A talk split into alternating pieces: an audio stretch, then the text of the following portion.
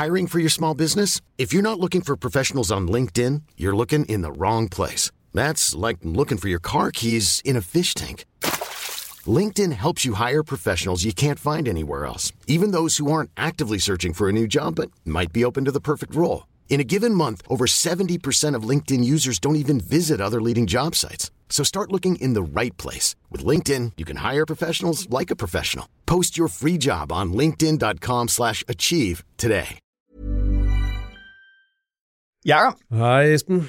Jakob øh, alt der er ved at gøre, er jo øh, ved at gøre to gange. Det er jeg virkelig glad for, du siger.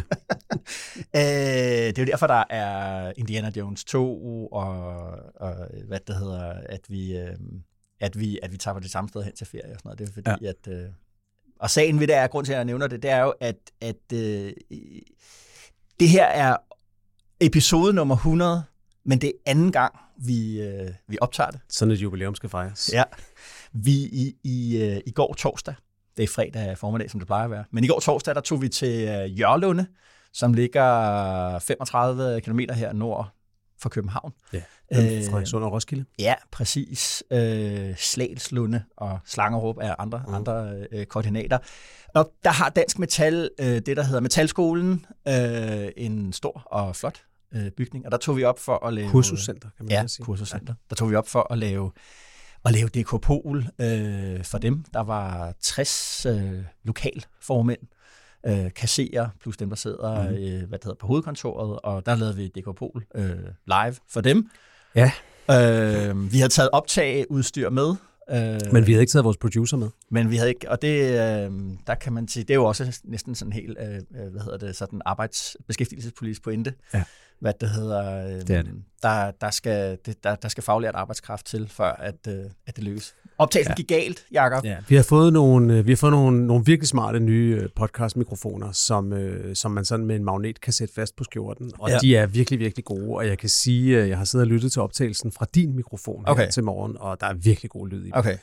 Så vi Men kan godt jeg, kan igen. også, jeg, kan også, jeg kan også sige af erfaring, at når man sætter dem fast på skjorten, så skal man passe på, at man ikke rammer øh, den knap, der afbryder optagelsen. Ja, ja, ja. Der er kun tre knapper på den, men, øh, men alligevel... Jeg tror, de fleste forstår, hvad der er sket Ja. nu. Ja, vi har optaget den, men Yes. øh, hør her, øh, nu får vi en fredag formiddag i studiet sammen, og det er også hyggeligt. Ja, vi, øh, præcis. vi tager nogle af de samme øh, pointer og snakker lidt om noget af det, som vi også talte med, med, med, med dem fra Dansk Metal ja, om. ja, ja. De havde nogle gode spørgsmål til, øh, til sidst i den liveoptagelse, vi lavede, så det vender vi også lidt øh, tilbage til i dag. Ja.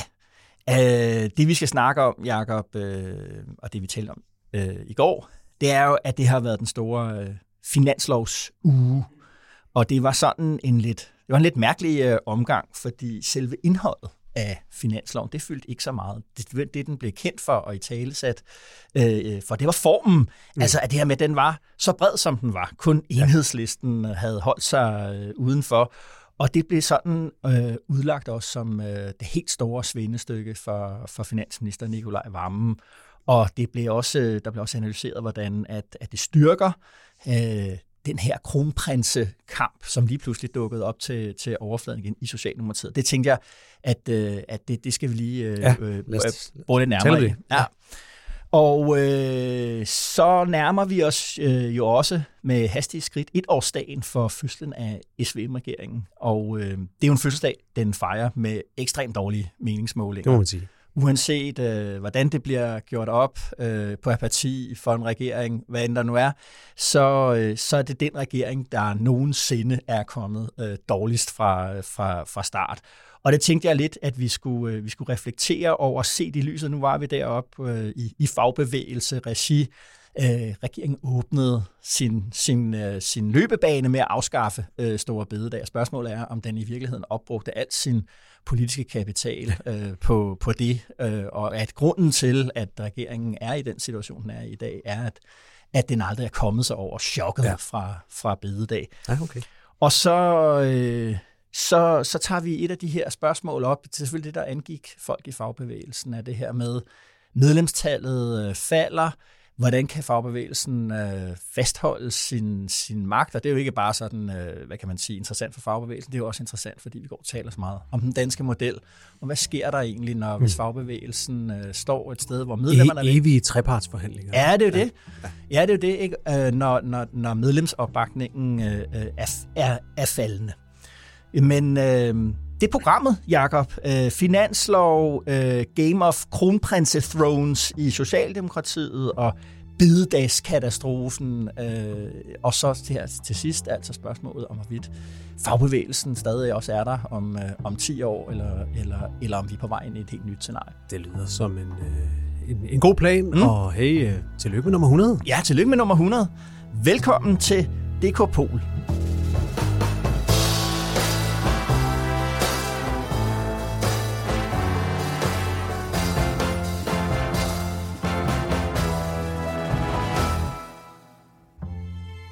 Alright, Jakob. Fluen på, øh, på væggen. Hvor, har, hvor vil du gerne have været hen i den her uge? Jamen, jeg vil godt have været et sted, hvor vi, hvor vi aldrig har været før. Mm. I, I fluen på væggen. I øh, noget så eksotisk som Aarhus Samvirkende Soldaterforeninger. Ja.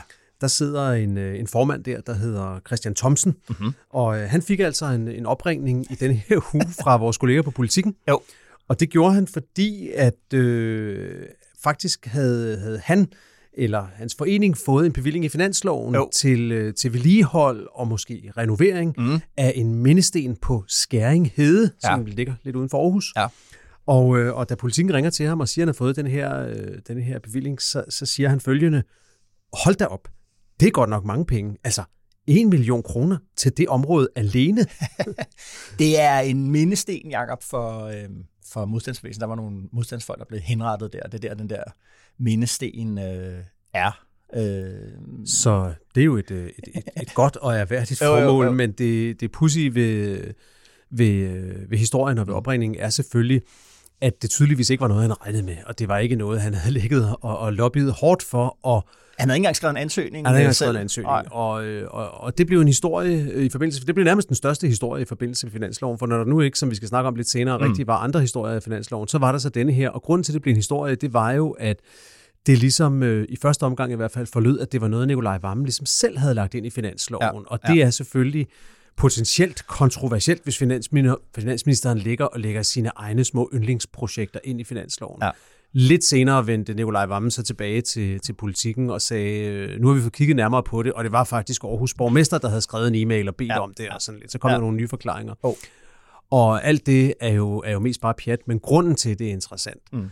det er jo, at det vidner om noget af det, vi vist også skal snakke om lidt senere, nemlig mm. måske med en begyndende magtkamp i Socialdemokratiet, ja. fordi hvem havde givet journalisterne den idé, at de skulle ringe til Aarhus Samvirkende Soldaterforeninger. Ja. Det, øh, det er der nok nogen, der har gjort, og, og et godt bud kunne være, at det måske var nogen af Nikolaj Vammens partifælder. Ja, det, er, det minder jo lidt om sådan, øh, hvad det hedder, jeg ser med mine børn, det der øh, sådan fredagsshow, der hedder Alle mod en, og, øh, og, og hvis, man, hvis den, der er i studiet, ikke vinder, øh, hvis det er en, en tilfældig dansker, der vinder, så, og man deltager via sin app, så bliver man ringet op af studieverdenen for at vide, du har vundet øh, x antal øh, ja. tusind kroner der. Det er sådan lidt den samme... Øh... Nej, det var ham, der blev ringet op her. Nå, det kan man godt se. Ja, det kan man godt se. Ja. Og hvor, hvor vil du godt have været henne? Ej, jeg vil gerne have været hjemme hos øh, økonomiprofessor øh, Michael Svare her i de sidste, de sidste par dage. Han er, han er formand for det her øh, ekspertudvalg, der skal komme med forskellige øh, modeller til politikerne for, hvordan man skal lave en CO2-skat på landbruget. Øh, det har jo været planen, at han skulle øh,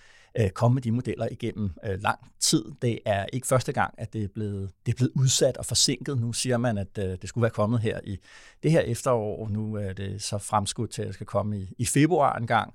Øh, det er vist tredje gang, det er blevet, det er blevet udsat. Og jeg tænker ligesom, øh, uden at jeg kender Michael Svare øh, godt, jeg tror, han interviewede ham et par gange kun, Øh, men jeg tror ikke, det huer ham på den måde at skulle komme ud og sige, jeg har ikke afleveret min, mm. mine opgaver.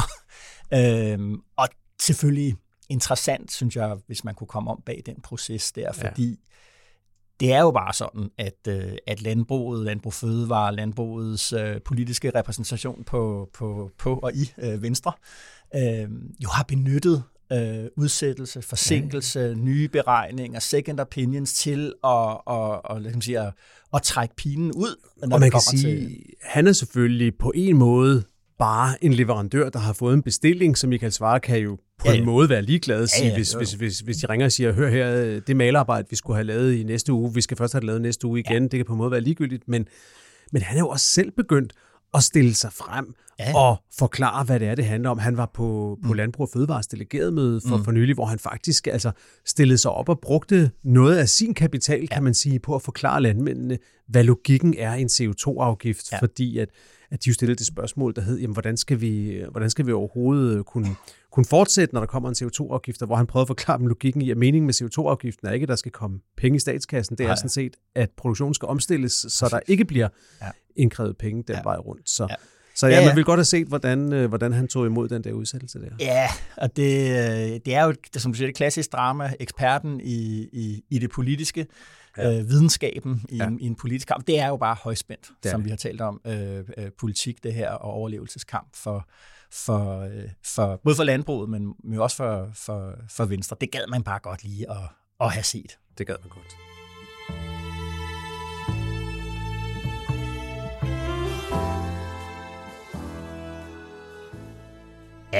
Jakob, øh, mandag i den her uge, der skulle øh, pressefotograferne finde den der helt brede vidvinkel frem, hvis de skulle få øh, samtlige 11 partiledere og ordfører, hvad der nu var, bag finanslovsaftalen med i et samlet skud. Øh, Finansministeriet øh, havde selv været havde selv været i ordbogen og havde, havde fundet frem til, at det her det var en, en historisk øh, finanslovsaftale. Øh, historisk ikke, fordi der var vedtaget en, en, en stor ny reform, mm. øh, men, men, men fordi den var så, så bred, som den var, så mange mandater, 163 tror jeg nok, det var. Ja. Øh, alle, alle partier aftalen. undtagen enhedslisten. Ja, alle præcis ja. det. Ikke? Øhm, og øhm, og der, der tænkte jeg ligesom, øh, at, at vi skulle prøve at, at, at tænke, tænke lidt over det, fordi altså, på en vis måde kan man sige, at det, det understøtter den del af regeringens øh, historie om sig selv, at den ligesom skulle kunne forløse et samarbejde i, øh, i, i Folketinget, som ligesom ellers ville være taget til gissel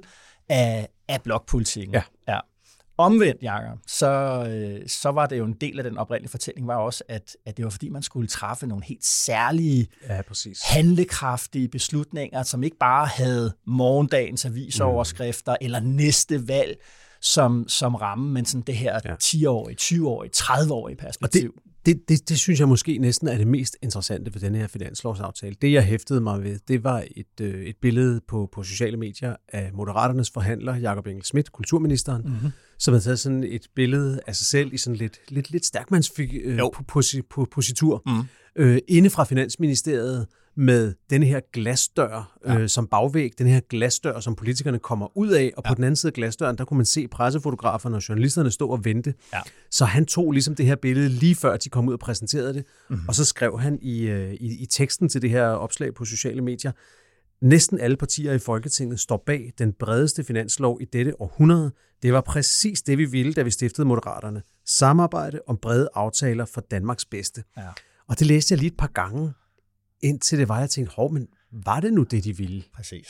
Fordi den historiefortælling, de havde, da mm. de, især Moderaterne jo, ja, ja. da de dannede Moderaterne, og selvfølgelig også da, da de lavede regering, det var jo faktisk ikke, at de ville formidle det, brede, formidle det bredeste samarbejde nogensinde. Det var, at de ville holde yderpartierne uden for indflydelse, at de vil sætte sig ud over den situation, hvor nogle yderpartier kunne tage de ansvarlige midterpartier som ja. gissel. Ja. Og, øh, og, og det er jo slet ikke det, der er sket her. Nej, nej. Øh, det var hele ideen om, at nu skulle øh, de ansvarlige partier indstifte et, et voksenbord, og så kunne de andre partier sidde ved børnebordet, nu skulle mm. dem for, på voksenbordet, de skulle mm. træffe de rigtige beslutninger. Men nu sidder de alle sammen ved voksenbordet. Nu sidder de alle sammen ved voksenbordet, og det vil sige, at i hvert fald den der idé om, at SVM-regeringen og måske et par partier rundt om øh, udgjorde en særlig ansvarlig akse, øh, som, som, hvor man ligesom kunne sige, at det, der skulle være skældet i politik, ikke skulle være ideologiske forskelle, men forskellen mellem dem, der turde tage ansvar, og dem, der ikke gjorde. Ja, den del af fortællingen, den, er, den ryger jo på gulvet, når, ja. når man skal have hvidvinkelen frem, og man står og roser sig af, så kan det være, hvis alle er med. Hvis moderaterne stod her, de vil sige, nå ja, men øh, det er da kun dejligt, hvis endnu flere vil være med og blive ansvarlige, og vi har været med til at ansvarliggøre alle de her partier, og det er vores fortjeneste, ja, ja, ja. og det er selvfølgelig, det kan man selvfølgelig godt argumentere for, men der er jo også en pris ja. for den brede ansvarlighed. Og den pris er jo, at det mest kontroversielle, der stod i finansloven, det var den der 1 million til skæring hede.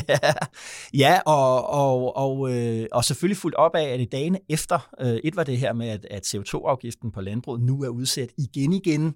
Øh, noget andet af den her, noget andet regeringslovsop, det var jo, at de skulle at de skulle reformere den offentlige sektor, ikke bare sådan øh, en, sådan en, en enkelt sådan teknisk forandring, men selve måden, øh, det offentlige fungerer på, frisættelsen mm. af den offentlige sektor, øh, hvor, hvor øh, på ældreområdet, det skulle ligesom være det der brohoved indtil, at nu skulle dansk velfærd fungere på en helt anden, en helt mm. anden måde. Det er også blevet, ja. det er også blevet udsat, og derfor kan man ligesom sige, hvis prisen er for, for, at alle er med, er, at, øh, at vi altså ikke træffer sådan nogle typer af, af, af beslutninger, som regeringen eller selv har annonceret kraftigt, at, øh, at det ville man, så begynder det jo at være tegn på, at der er et eller andet, der ikke helt fungerer. Mm.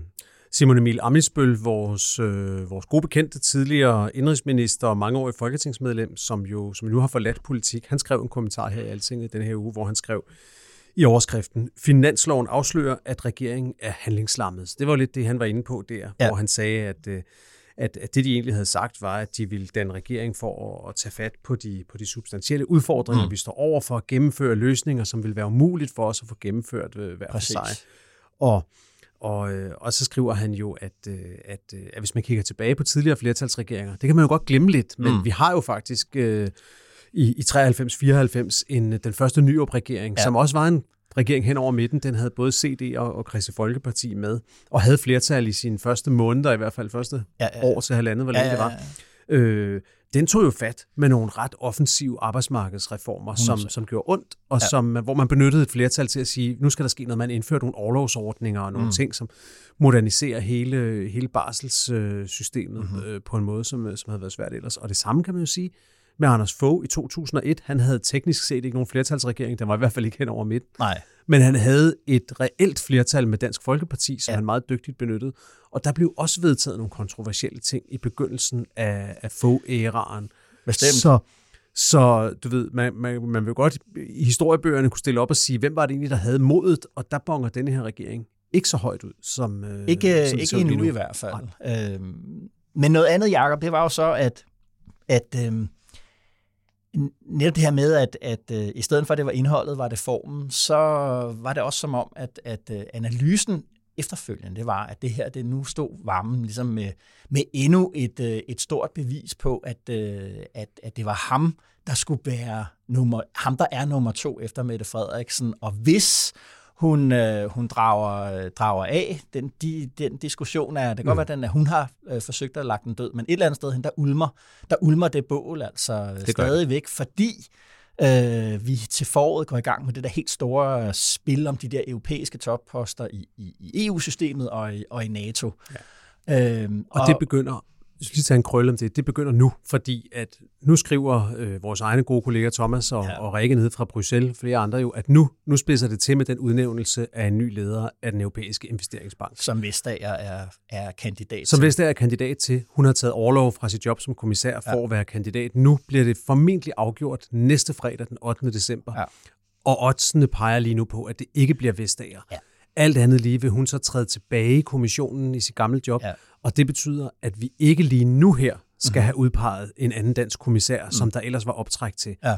Og det betyder så, at spekulationen vil begynde, for sådan mm. fungerer ja, ja. vi her i medierne, og ja. sådan fungerer det også blandt politikere inde på Christiansborg. Så Bestemt. begynder man at tænke over, når man, mm-hmm. hvem er det så, der skal have den til sommer, og, når og vi skal udpege har sagt?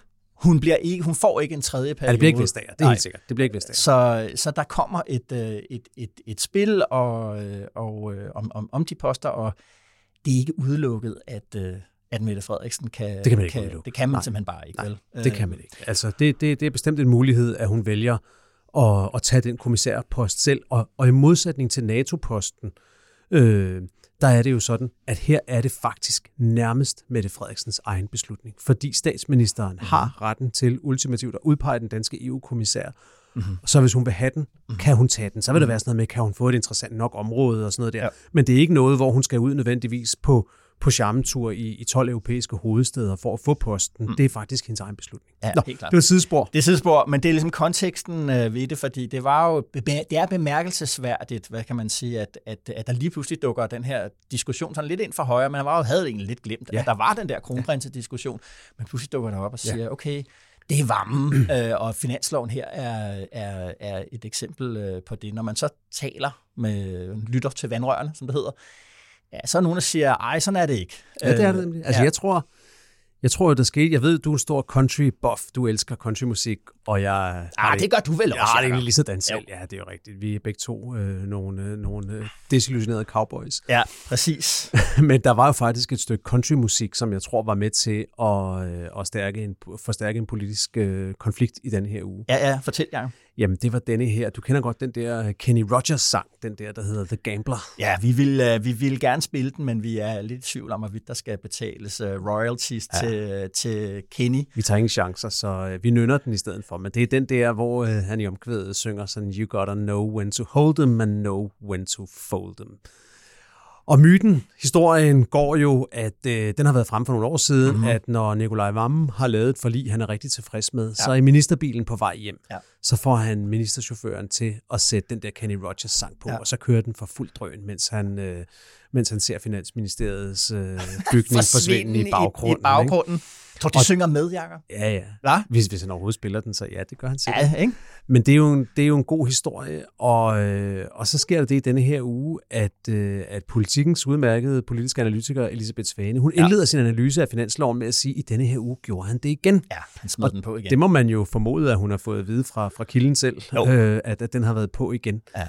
Og, og der ligger jo en hel historiefortælling i det der om, at den utrolige pokerspiller Nikolaj Vammen ja, ja. har nu igen ja. spillet kortene så utrolig genialt, at han fik det her kæmpe forlig i hus. Ja, og der ja. kan jeg huske, at vi to snakkede sammen tidligere på ugen. Du sad inde på mit kontor, og så sagde du, for fanden, Jacob, jeg kunne have forhandlet den finanslov hjem. Det er jo det, altså, fordi øh, der var ikke nogen skovstejl, der skulle, øh, der skulle spises, og du har Nej. et råderum, der, der, du ved, kassen, ja. pengekassen kan slet ikke øh, lukkes, så mange penge er der. Er ja, jeg er stadig i tvivl om, du kunne have forhandlet den hjem, men okay, jeg, jeg køber på det. Er, hvad det hedder, det skal man måske være glad for, ja. at uh, trods alt uh, ikke er mig, der er, er ja. Kan vi lige, Jacob, uh, ligesom det der med det, altså politikere og de der sange, der, når, som ja. de vælger ligesom. Og, og, altså, det er jo altid lidt med modhager, det synes jeg jo altså ja. lidt. Og det synes jeg også, det er. Altså, The Gambler øh, er jo en sang, Kenny øh, Rogers kommer ind i en togkopé og møder en, en mystisk, mørk figur, som er The Gambler, som, øh, som, øh, som sangen er, er opkaldt. Og det er ham, der fortæller, hvordan, øh, hvordan du skal, hvordan man skal gøre. Hvordan skal man, hvordan skal man spille, øh, hvordan skal man spille poker? Og det der jo gør, gør sangen øh, sådan, øh, jeg tror altid der skal være en lidt en spænding i sådan en sang der, fordi det er jo det der med, det er også lidt livet som et pokerspil. Altså mm. hvad, at, mm. hvad det handler om, hvornår skal man stå til, og alle de der ting, og der er der er det, det, en del af omkvædet er, You never count your money when you're sitting at the table. There'll be time enough for counting once the dealing's done.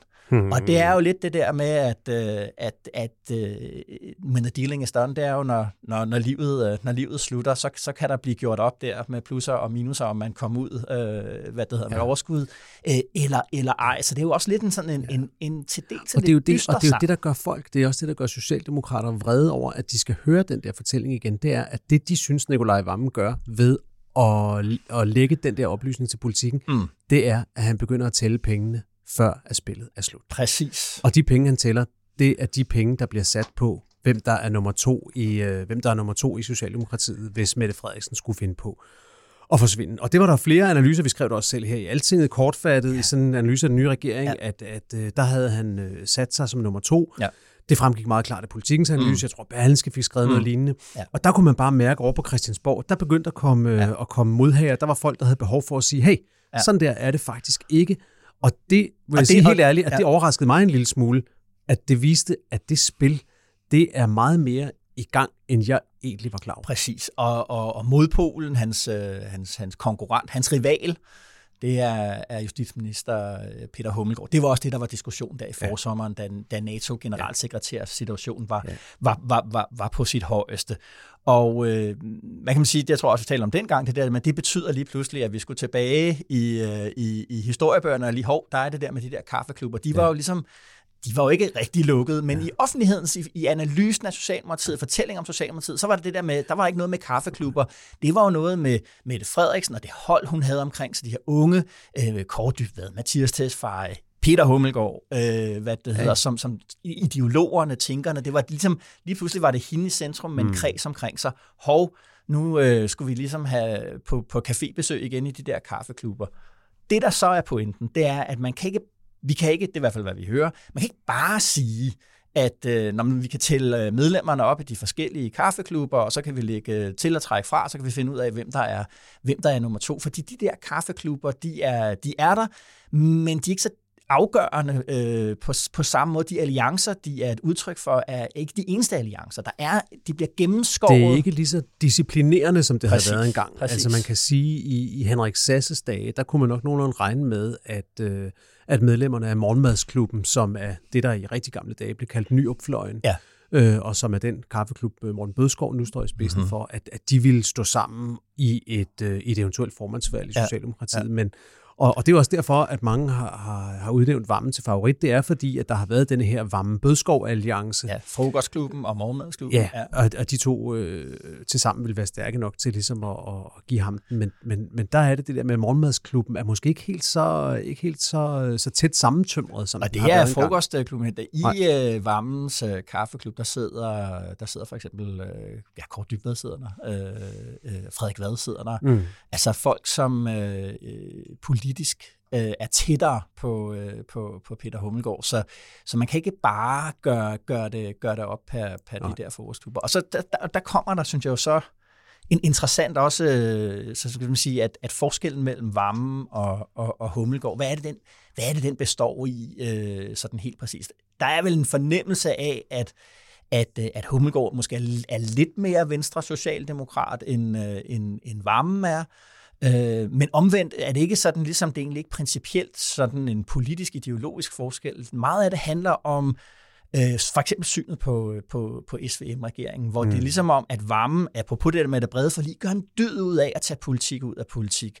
Ja. Gør en dyd ud af, at, øh, at, at den store forskel mellem Venstre og Socialdemokratiet, den, den, den skal man ligesom have visket lidt ud. Man er sådan en, en teknokratisk øh, regering, der løser problemer, og som ikke, øh, hvad kan man sige, opdyrker den der meget stærke socialdemokratiske mm. fortælling, selv i, selv i alle mulige kompromiser. Det er, er det ikke en genfødsel af korridonismen? Det er det ansvarlige parti i midten, der kan samle om, om nogle ansvarlige jo. løsninger, ikke? Og så vil korridonen sikkert sige, at de ikke er de ja, ikke er de ikke så vilde, som han selv var. For så, ja, ja, og, og det er også en god fortælling, der hvor han sidder nu over på børsen. Ja. Men, men, øh, Helt klart, det er det, det, er det ja. varme øh, øh, står for. Sådan uh, korridonisme ja. uden korridorens ja. slagkraft. Og der fik, han jo, der fik han jo opbakning, som han sikkert måske faktisk gerne ville have været fri for i denne her uge i Altingets Balder, da den tidligere generalsekretær i det konservative folkeparti, John Wagner, som, ja. som øh, heldigvis ofte skriver i Altinget, mm-hmm. han skrev en kommentar, hvor han skrev, Vammen kan redde SVM-regeringen som statsminister. Ja. Og hans pointe var, at hvis Mette Frederiksen skulle, øh, skulle mm-hmm. forlade regeringen af de grunde, vi talte om tidligere, ja, så vil Vammen kunne køre det videre, fordi han netop repræsenterer næsten ja. SVM mere, end han repræsenterer Socialdemokratiet. Ja. Jeg tror, at John Wagner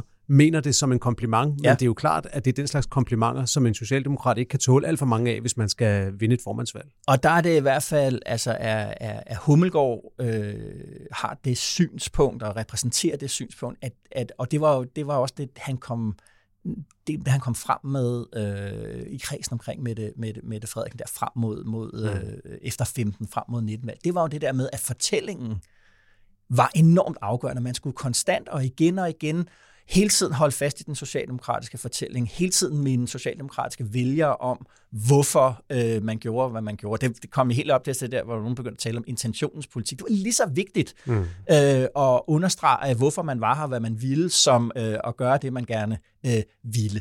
Og der, er, der kan man sige, der, der repræsenterer øh, Hummelgrund en syn på at sige, at SVM-regeringen, det er afgørende for os, at vi hele tiden kan tage, også selv, selv i de der meget mudrede kompromiser, hele tiden kan fremdrage et bevis på, at mm. øh, vi er socialdemokrater, vi er ikke venstrefolk, vi er ikke moderat, vi er noget selvstændigt. Ja. Hvis man så spørger længere ud på, på, på venstrefløjen til venstre for Socialdemokratiet, hvad, hvad de tænker om det, så kan man høre nogen, der siger, jamen... Øh, det kan da godt være, at det peger retning af Hummelgård lige nu, og det kan da også godt være, at han er lidt tættere på os end Vamme som udgangspunkt, men, men også sådan lidt en, en mangel på, på illusion om, at det kommer til at gøre en kæmpe stor forskel, fordi som de siger, hvis, hvis han skal vinde Socialdemokratiet, så bliver han nødt til at læne sig så meget mm-hmm. til højre eller mod højre i partiet, mm. hvis man gør det sådan meget forenklet op i en højre-venstre skala, mm-hmm. at, at det måske ikke vil gøre den store forskel. Og det, det er det, er det drama, der, der, der ligger i det, og som, øh, som, øh, som vi helt sikkert kommer til at høre mere til. Og det er jo det, der er pointen i hvert fald. Det er, at, øh, at fra nu af, det kan godt være, at vi sådan tænker, okay, Mette Frederik, NATO-generalsekretær, eller ej, og så forsvandt det ligesom ud, men det, det bliver simpelthen bare, altså når, når en så kedelig øh, intetsigende finanslov... Finanslov, ikke finansminister.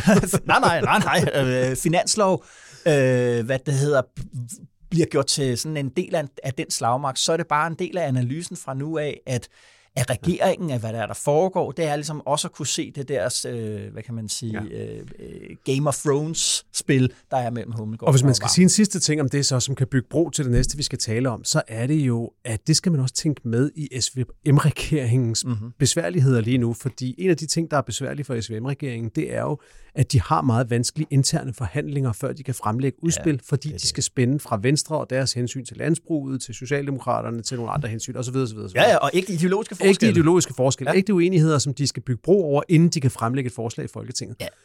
Og nu har Socialdemokratiet yderligere den udfordring, at inden de kan gå ind og deltage i de interne regeringsforhandlinger, mm-hmm. så skal alle aktørerne kigge sig over skulderen og tænke, hvordan vil det her blive modtaget i mit eget parti, og hvordan vil det blive brugt i positionskampen i partiet?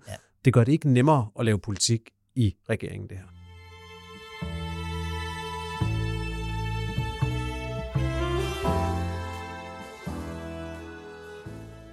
Ja, ja, som du sagde, vi har næsten uh, taget hul på den anden uh, diskussion i svimregeringens øh, uh, monumentale upopularitet. Uh, der er to ting, jeg husker, eller især husker fra det der pressemøde på Marienborg, hvor Mette Frederiksen uh, præsenterer øh, regeringen for, for offentligheden, at man nu vil lave en, en, en Socialdemokratiet, Venstre og øh, moderat regering.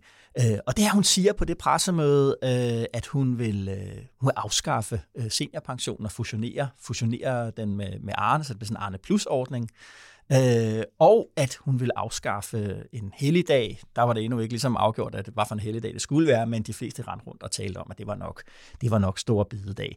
Argumentet for at afskaffe bededagen, det var pengene de var fås. i Ukraine, ikke? Ja, og ja. det var, at, øh, at nu skulle vi støtte øh, Ukraine. Så gik vi på, øh, på juleferie og spiste flæskesteg, og det blev nytårsaften og nytårstale, og så begyndte vi at melde os ind sådan i, i, i samfundet igen og tænde for, for, for fjernsynet, og da vi gjorde det, så starter regeringen til ligesom øh, dens første handling, den signaturhandling, det er den her forslag om at afskaffe øh, store, store bededag. Og øh, vi skal ikke øh, gennemgå hele, hele forløbet øh, frem mod den 28. Øh, februar, hvor, hvor det forslag blev vedtaget. Andet end at notere det der med, at det påkaldte sig en meget voldsom, meget højt råbende øh, kritik, især fra, fra fagbevægelsen. Ja, det er det. Og, øh, og øh, siden da er der vel ikke rigtig kommet noget, der får alvor gjorde. Jo, der er nogle af de der uddannelsesting, der er lagt frem, mm. som bestemt har givet, har givet ballade og, og, og larm, men, men, men spørgsmålet er vel, ja, var, ja. Det, var det det? Ja, det er jo det der med, at altså, det er vel som om, det i gang satte den her, den her, den her fald i, øh, i, i meningsmålingerne, den, den store modvind mm. mod, øh, mod regeringen, og, og man sidder og kigger på det her med øh, upopularitet, at regeringen er langsom, at den er blevet bange for sin egen skygge, øh, bange for at, at netop at træffe den der det var jo også tegnet bededagsafskaffelsen. Ja, det var upopulært. Man skal også bevise, se, vi tør tage den her type af beslutninger. Det var også et signal til, til Folketingets partier om, se, øh, vi, tør, vi tør gøre vores egne vælgere mm. øh, enormt øh, vrede. Det viser, at vi er klar til at, gøre, til at tage alle de der typer af beslutninger der. Ja, og det er sjovt, hvordan det nærmest havde den modsatte effekt. Ikke? At, øh, at det gjorde de jo selvfølgelig, og det var de nødt til at træde igennem. Men så har de ligesom efter det jo fornuftigt valgt at have meget mere fokus på at inddrage andre partier. Det er der jo gode grunde til. Dels ja. bliver det øh, sværere at føre store kampagner mod det i befolkningen, og dels er de bedre forankret i forhold til også at overleve næste folketingsvalg og næste igen, at beslutningerne ikke bare bliver lavet om. Ja. Øh, men det har været interessant at se, altså for eksempel med med den reform, som Christina Elund øh, fremlagde, hvor regeringen havde fremlagt sit eget forslag, ja. som den havde flertal for. Mm. Inger Støjberg meldte ud, at hun skulle gerne stemme for det der, så der var sådan set ikke bare flertal, men et pænt stort flertal. Ja. og alligevel valgte regeringen at forhandle forhandle den ned, kan man sige, sådan ja. så de fik flere partier med på vognen. Ikke? Ja, præcis. Og det vil sige, den der, det talte vi også om der i, i, i januar, at det jo ligesom var et forsøg på at indstifte en, en, en helt ny orden for, hvordan forliskultur og forhandlingskultur var op på, på Christiansborg. Der var simpelthen bare meget mindre, der skulle forhandles mm. om, når man skulle forhandle med, med, med SVM-regeringen. Og som du siger, at det er jo faktisk det, det der paradoxale, at den, den opfører sig måske endnu mere som en mindretalsregering, øh, øh end, end, end en mindretalsregering ellers ville gøre, på trods af, at den har det her øh, flertal, ja. som den ikke tør, tør bruge. Og det er så interessant i forhold til det, som øh, det ord, som du elsker at få med i podcasten. Lad mig sige det første ja, gang ja, ja, i dag. Ja, ja, ja, ja, det der med konkurrencestaten. Ja, ikke? Fordi jo at vi har jo hørt statsministeren sige, at arbejdskraft er den nye valuta. Der er mhm. nogen, øh, også der har været ude at sige, jo jo, det har sådan set været den vigtigste valuta for alle regeringer siden Nyrup Lykketoft i 1994, og det er der også noget, noget rigtigt i. Mm. Men øhm, det er jo interessant på den måde, at bededag var jo et arbejdskraftforslag. Altså fuldstændig. Måden, det skulle skaffe penge på, var, ja. at det simpelthen øger mængden af arbejde, der bliver udført i Danmark, så, så yes. det skaber øh, flere, flere penge i kassen samlet, ja. samlet set. Ja. Og der den her opgivelse af, af at lave om på at fjerne seniorpensionen mm. og mhm. indføre den her Arne Plus, mm. det trækker jo den modsatte retning, og mm. det er jo sjovt at, at kigge på den bevægelse, der har været fra den gang, man besluttede, det går så langt tilbage, alle de forsøg, der har været på at reformere eller afskaffe efterlønnen. Mm-hmm. At til sidst lykkedes det jo så, var det i 2011. Ja, der kommer udfasningen der. Udfasningen ja. af efterlønnen. Ikke? Ja.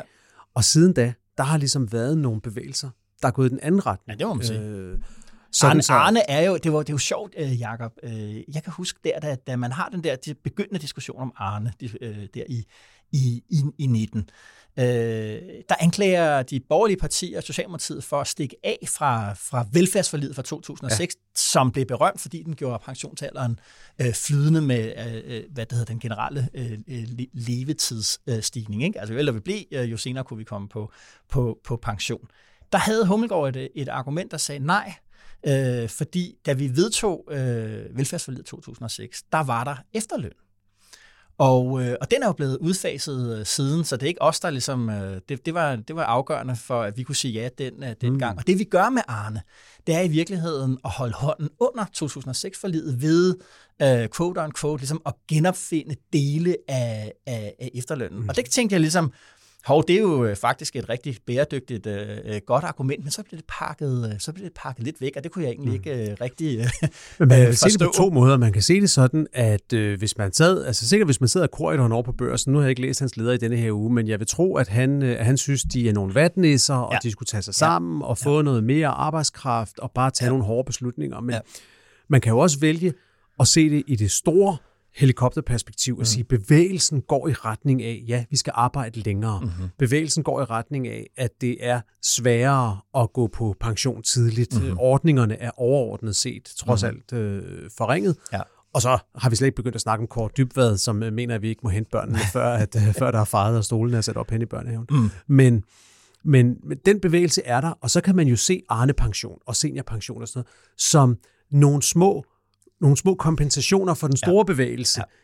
Eller man kan vælge, som Grøn nok vil gøre, at se det som om, at man har opgivet den store bevægelse, at det nu bliver rullet tilbage, og ja. at man falder ja. tilbage i de gamle i de gamle vaner. Ja, og øh, man kan se øh, et, sådan et generationsperspektiv på det. Hvor er det, at vi laver konkurrencestatspolitik øh, henne? Ja.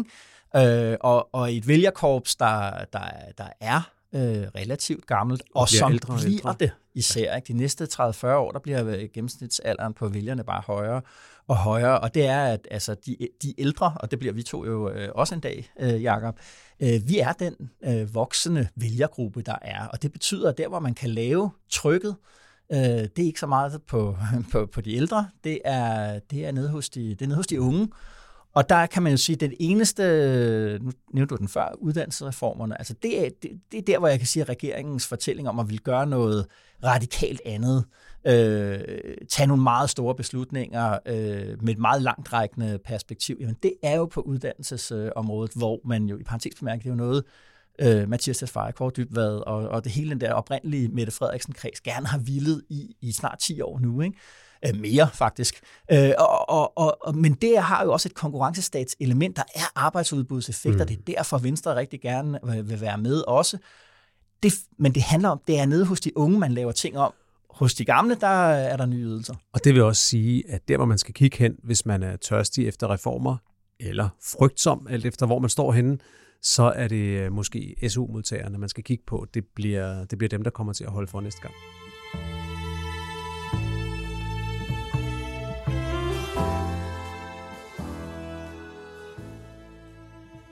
Alright, øh, Jacob. Det var jo så på det her tidspunkt øh, op i Jørlunde, at vi, øh, vi havde fået, fået hånd på en, en, øh, en, en dansk metal bøllehat. Simpelthen. Som var det var jo en af, det var en af de store overraskelser for mig ved at være. Jeg, jeg synes, det var, det var fornøjeligt at være i Jørlunde. Metalskolen ja. er jo blevet, er blevet gennemrenoveret.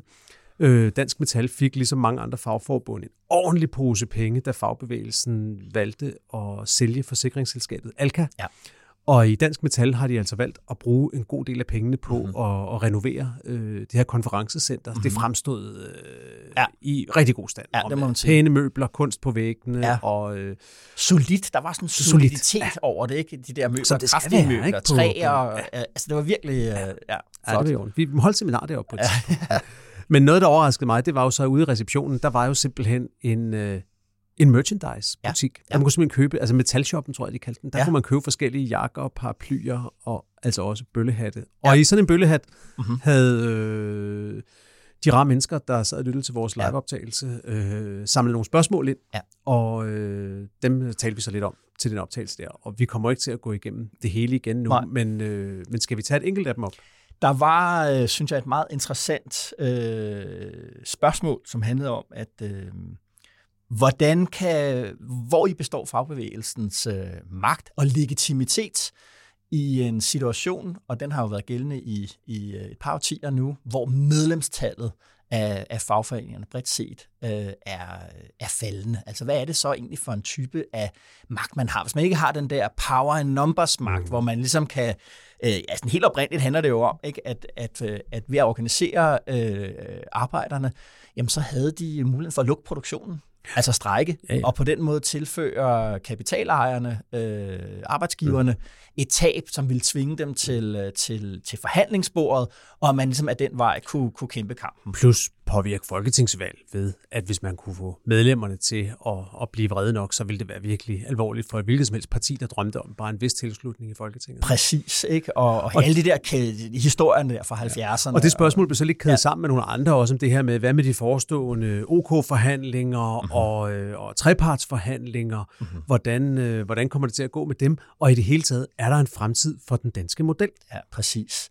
Det der jo er, er, hvis man stiller det spørgsmål sådan til toppen af, af fagbevægelsen, så siger den, jamen det der er vores magt, der hvor vores magt hviler, det der er vores øh, legitimitet, det er, at vi sidder vi sidder inde ved det store forhandlingsbord med arbejdsgiverne. Vi leverer de der resultater. Det talte vi også om, da der var overenskomst der på det private område.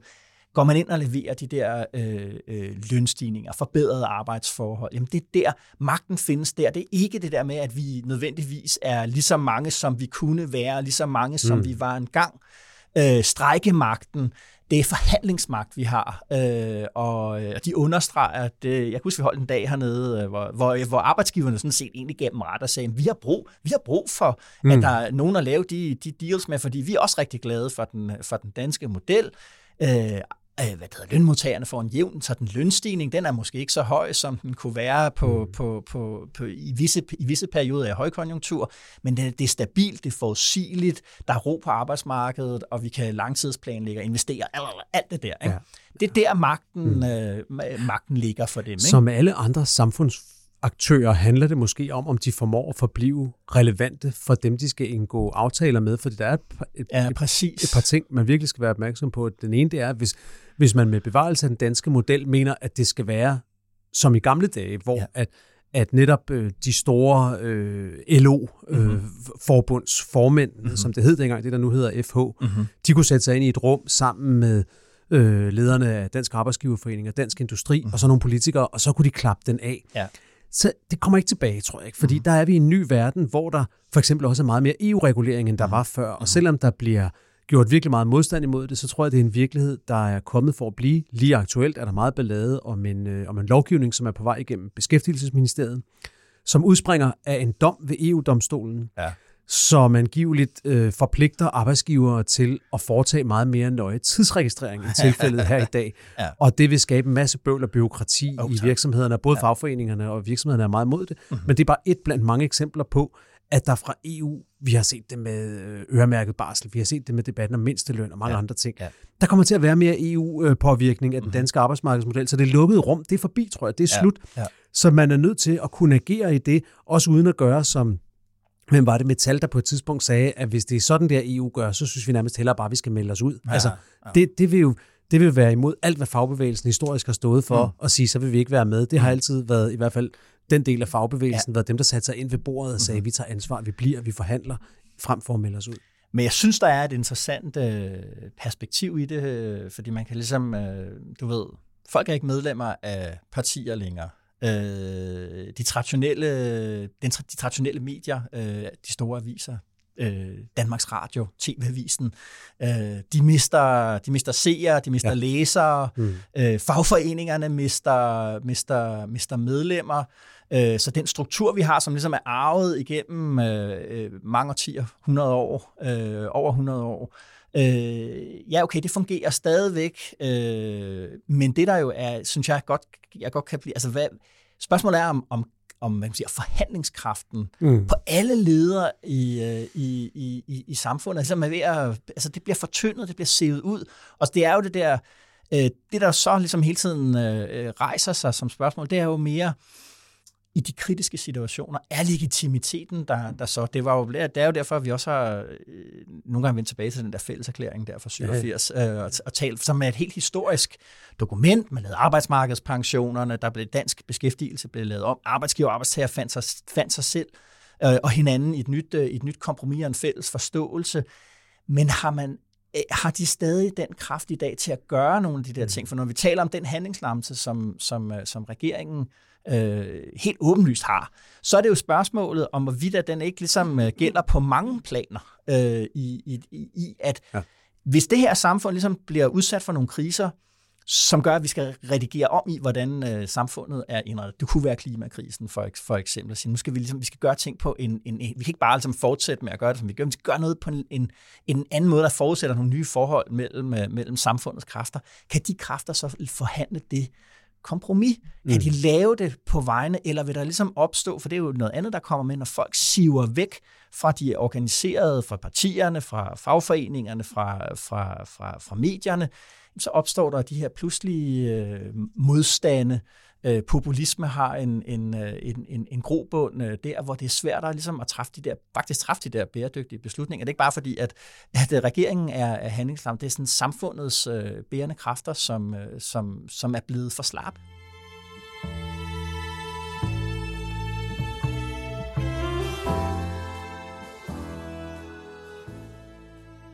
Ja, Jacob. Vi skal snart på weekend, og det gælder om at lade op, for i næste uge bliver der, bliver der travlt. Der er anden behandling af FE-undersøgelseskommissionens kommissær, hvad kan man sige, hvad det skal indeholde. Kommissorium hedder det. Kommissoriet, ja. øh, og så er der tredje behandling af, af Koranlov, den der debat, der har ja. domineret lige siden, øh, lige siden, lige siden i sommers.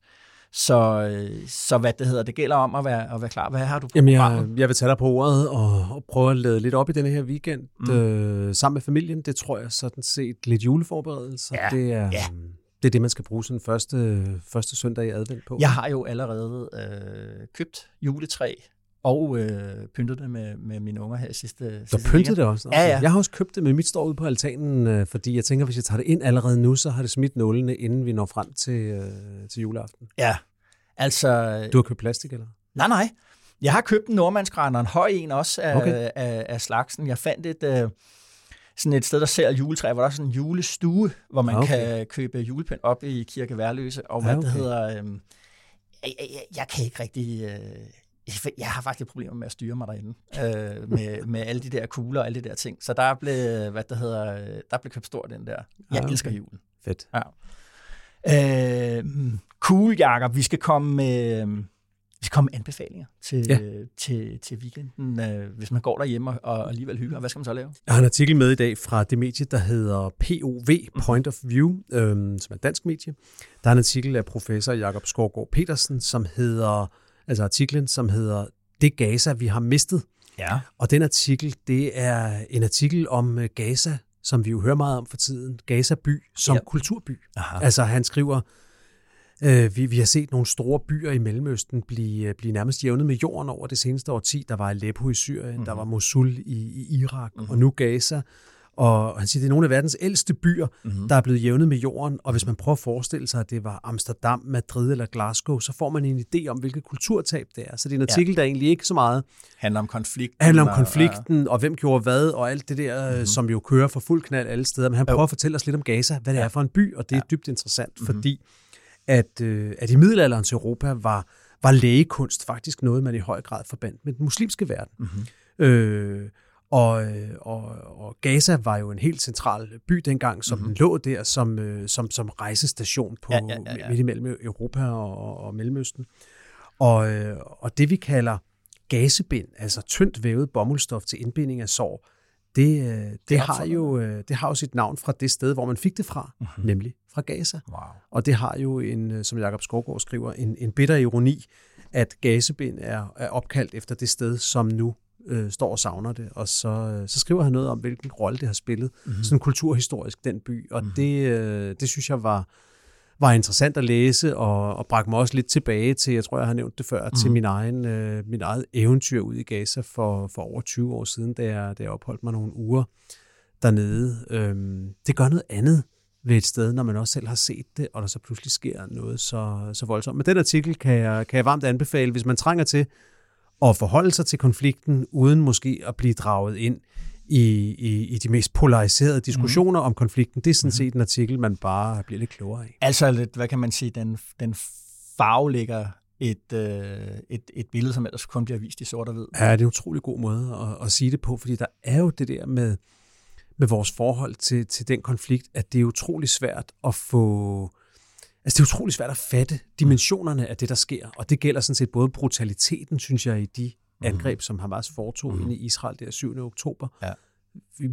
Min, altså, måske det værste terrorangreb, jeg kan huske i min livstid. Man kan, jeg ved ikke, om det, det er nok ikke særlig smagfuldt at sammenligne terrorangreb, men Nej. jo helt utrolig brutalt. Ja, ja. Og utrolig meget identifikation i det mm-hmm. med terrorister, der bevæger sig ind i børneværelser og sådan noget. Det er noget, vi alle sammen kan mærke suset i maven over. Og der er det sværere på samme måde at forholde sig til, mm til, øh, til det, der foregår i Gaza, fordi det på mange måder er så fremmed for os. Mm-hmm. Ja, ja, så er det jo det der med, at, øh, at, at øh, det, der godt kan, synes jeg, kan være hagen i den, en, et, et, et, et problem i den danske debat, det er, at vi, vi meget gerne ligesom oversætte af ting og sager, der sker i, i, i, verden, til de positioner i den danske politiske debat, i den danske værdidebat, og ligesom trække den, øh, ligesom sige, hvordan kan det her blive brugt som led i den der Ja, øh, det synes jeg, vi- di- diskussion. Vi så et vildt eksempel på i denne her uge, hvor der blev startet en diskussion om, hvorvidt feminister havde taget nok afstand fra, fra ja. Hamas' angreb, som jo, som jo, altså jo er en grotesk diskussion, undskyld, jeg siger det. Det er i hvert fald øh, det, det, det er en, en fast genkommende ting i, øh, i sådan nogle, øh, i, i værdikampe og værdidebatter. Der er, at man ligesom prøver at forlange, at ens modstander, som man ikke er enig med, skal indtage et bestemt synspunkt. Øh, hvad det hedder. Og det man jo helst vil, det er jo ligesom at udstille. Fordi de ikke har indtaget det synspunkt, så er de, øh, har, har, de, for, har de ikke moralske øh, valører. Ikke? Jo. Og det, det, altså det, jeg synes, der går tabt, øh, uanset, det er ligesom, at, at øh, i stedet for, at krigen handler i Israel, mellem Israel og, og, og Hamas, og Israel og, og Gaza, øh, i stedet for, at den ligesom handler om krigen, så handler den om os selv. Vi får det til at handle om os selv, i stedet for, og, og, og, og som du jo også har nævnt, tror jeg det der med, at man vil egentlig måske hellere prøve, øh, apropos at faglægge, ligesom at, at, hvad er det egentlig, der foregår?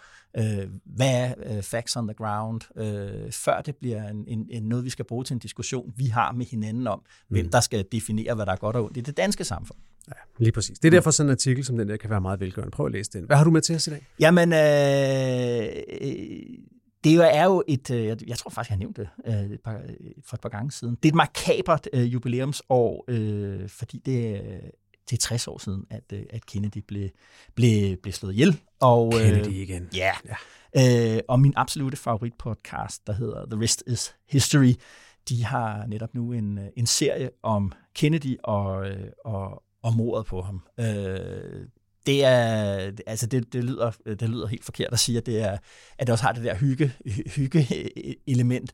Men det er jo kendt stof, øh, men, men al, ligesom øh, at, at det er godt at, at optage den samme podcast to gange, så er det også godt at, at, at vende tilbage til. Øh, og jeg synes faktisk egentlig, at øh, selv, selv jeg, der har øh, læst meget om Kennedy, og læst meget om Kennedy-mordet, så synes jeg egentlig, at at, øh, at der også kommer nye øh, nuancer til, som der okay. jo gør, når historikere øh, kaster, sig, kaster, sig over, øh, kaster sig over noget. Ikke? Øh, og, øh, og det synes jeg godt. Der, det, lige nu er det så på, på tre episoder. Det passer helt perfekt til at ja, enten at gå derhjemme og, og, og pynte juletræ, eller, eller når man skal ud og gå en tur i, i det kolde vintervejr. Det er virkelig godt. Så hvis man ikke overgår alt det med Gaza og Israel og Hamas, så kan man begrave sig i 1963 og mordet på Kennedy, it never gets old. De sagde, hvilket jeg synes er interessant, det er, at, øh, at Kennedy-mordet faktisk aldrig ligesom, øh, har været sådan et, det er ikke sådan genstandsfelt for historikere som videnskabsmænd, fordi det ligesom fordi det er... er For banalt? Ja, nej, ja, det er egentlig, ja, ja, eller fordi det er, er præget så meget af de her konspirationsteorier, okay. og at det ligesom er sådan nogle, at det er et kaninhul, og først du ligesom går i gang med at beskæftige men så kommer du aldrig nogensinde tilbage til, til den almindelige virkelighed øh, igen. Og det er jo helt vildt, fordi at det er så stor en historisk øh, begivenhed. Jeg tror, Tom Holland, den ene af, en af deltagerne der i, i, i The West, det er jo en af de mest berømte øh, præsidentmor eller statsoverhovedmor, der findes. Han siger, okay, der er mordet på Julius Caesar, der er mordet på Abraham Lincoln, og så er der Kennedy-mordet. Og de to andre er, er, er, er, er i den grad genstand for, for historievidenskab, men det her, det holder man ligesom fingrene fra. Og okay. på den måde, så har det Det kan være, det bare for 60... kort tid siden. Det kan det være, øh, og, og der er selvfølgelig klart, at der er nogle arkiver, de bliver, tror jeg også om sidst, det bliver ved med ligesom at drypvis at komme ting, øh, hvad mm. det hedder, bliver åbnet for, for arkiverne. Det bare, det er, det er da super interessant, at, at, øh, at noget, der er så, så stort, ligesom, øh, ja, det er ligesom det er overladt til, til sådan nogle som os, journalister, og så konspirationsteoretikere. Øh, nogle gange er forskellen måske ikke så stor, som den, som den burde være, Jacob. Og med det, tak for, tak for gang nummer 100. Ja, tak for, for gang nummer 100. Øh, jeg synes det faktisk, det var værd at gøre en gang til. Helt klart. Jacob, tak for den her gang. Vi ses øh, næste fredag her i studiet i København. Der kan det ikke gå galt. Og selvfølgelig øh, tak til dig derude med DK Pol i ørerne. Vi er uendeligt taknemmelige for, at øh, du vil bruge din vigtigste ressource, nemlig din opmærksomhed på os. Emma Glitnes producerede denne episode af DK Pol med vanlig fingerspidsgefyl og overbærenhed. Mit navn er Esben Schøring, og jeg er politisk redaktør her på Altinget. Og jeg ønsker dig og dine en god weekend og god vind.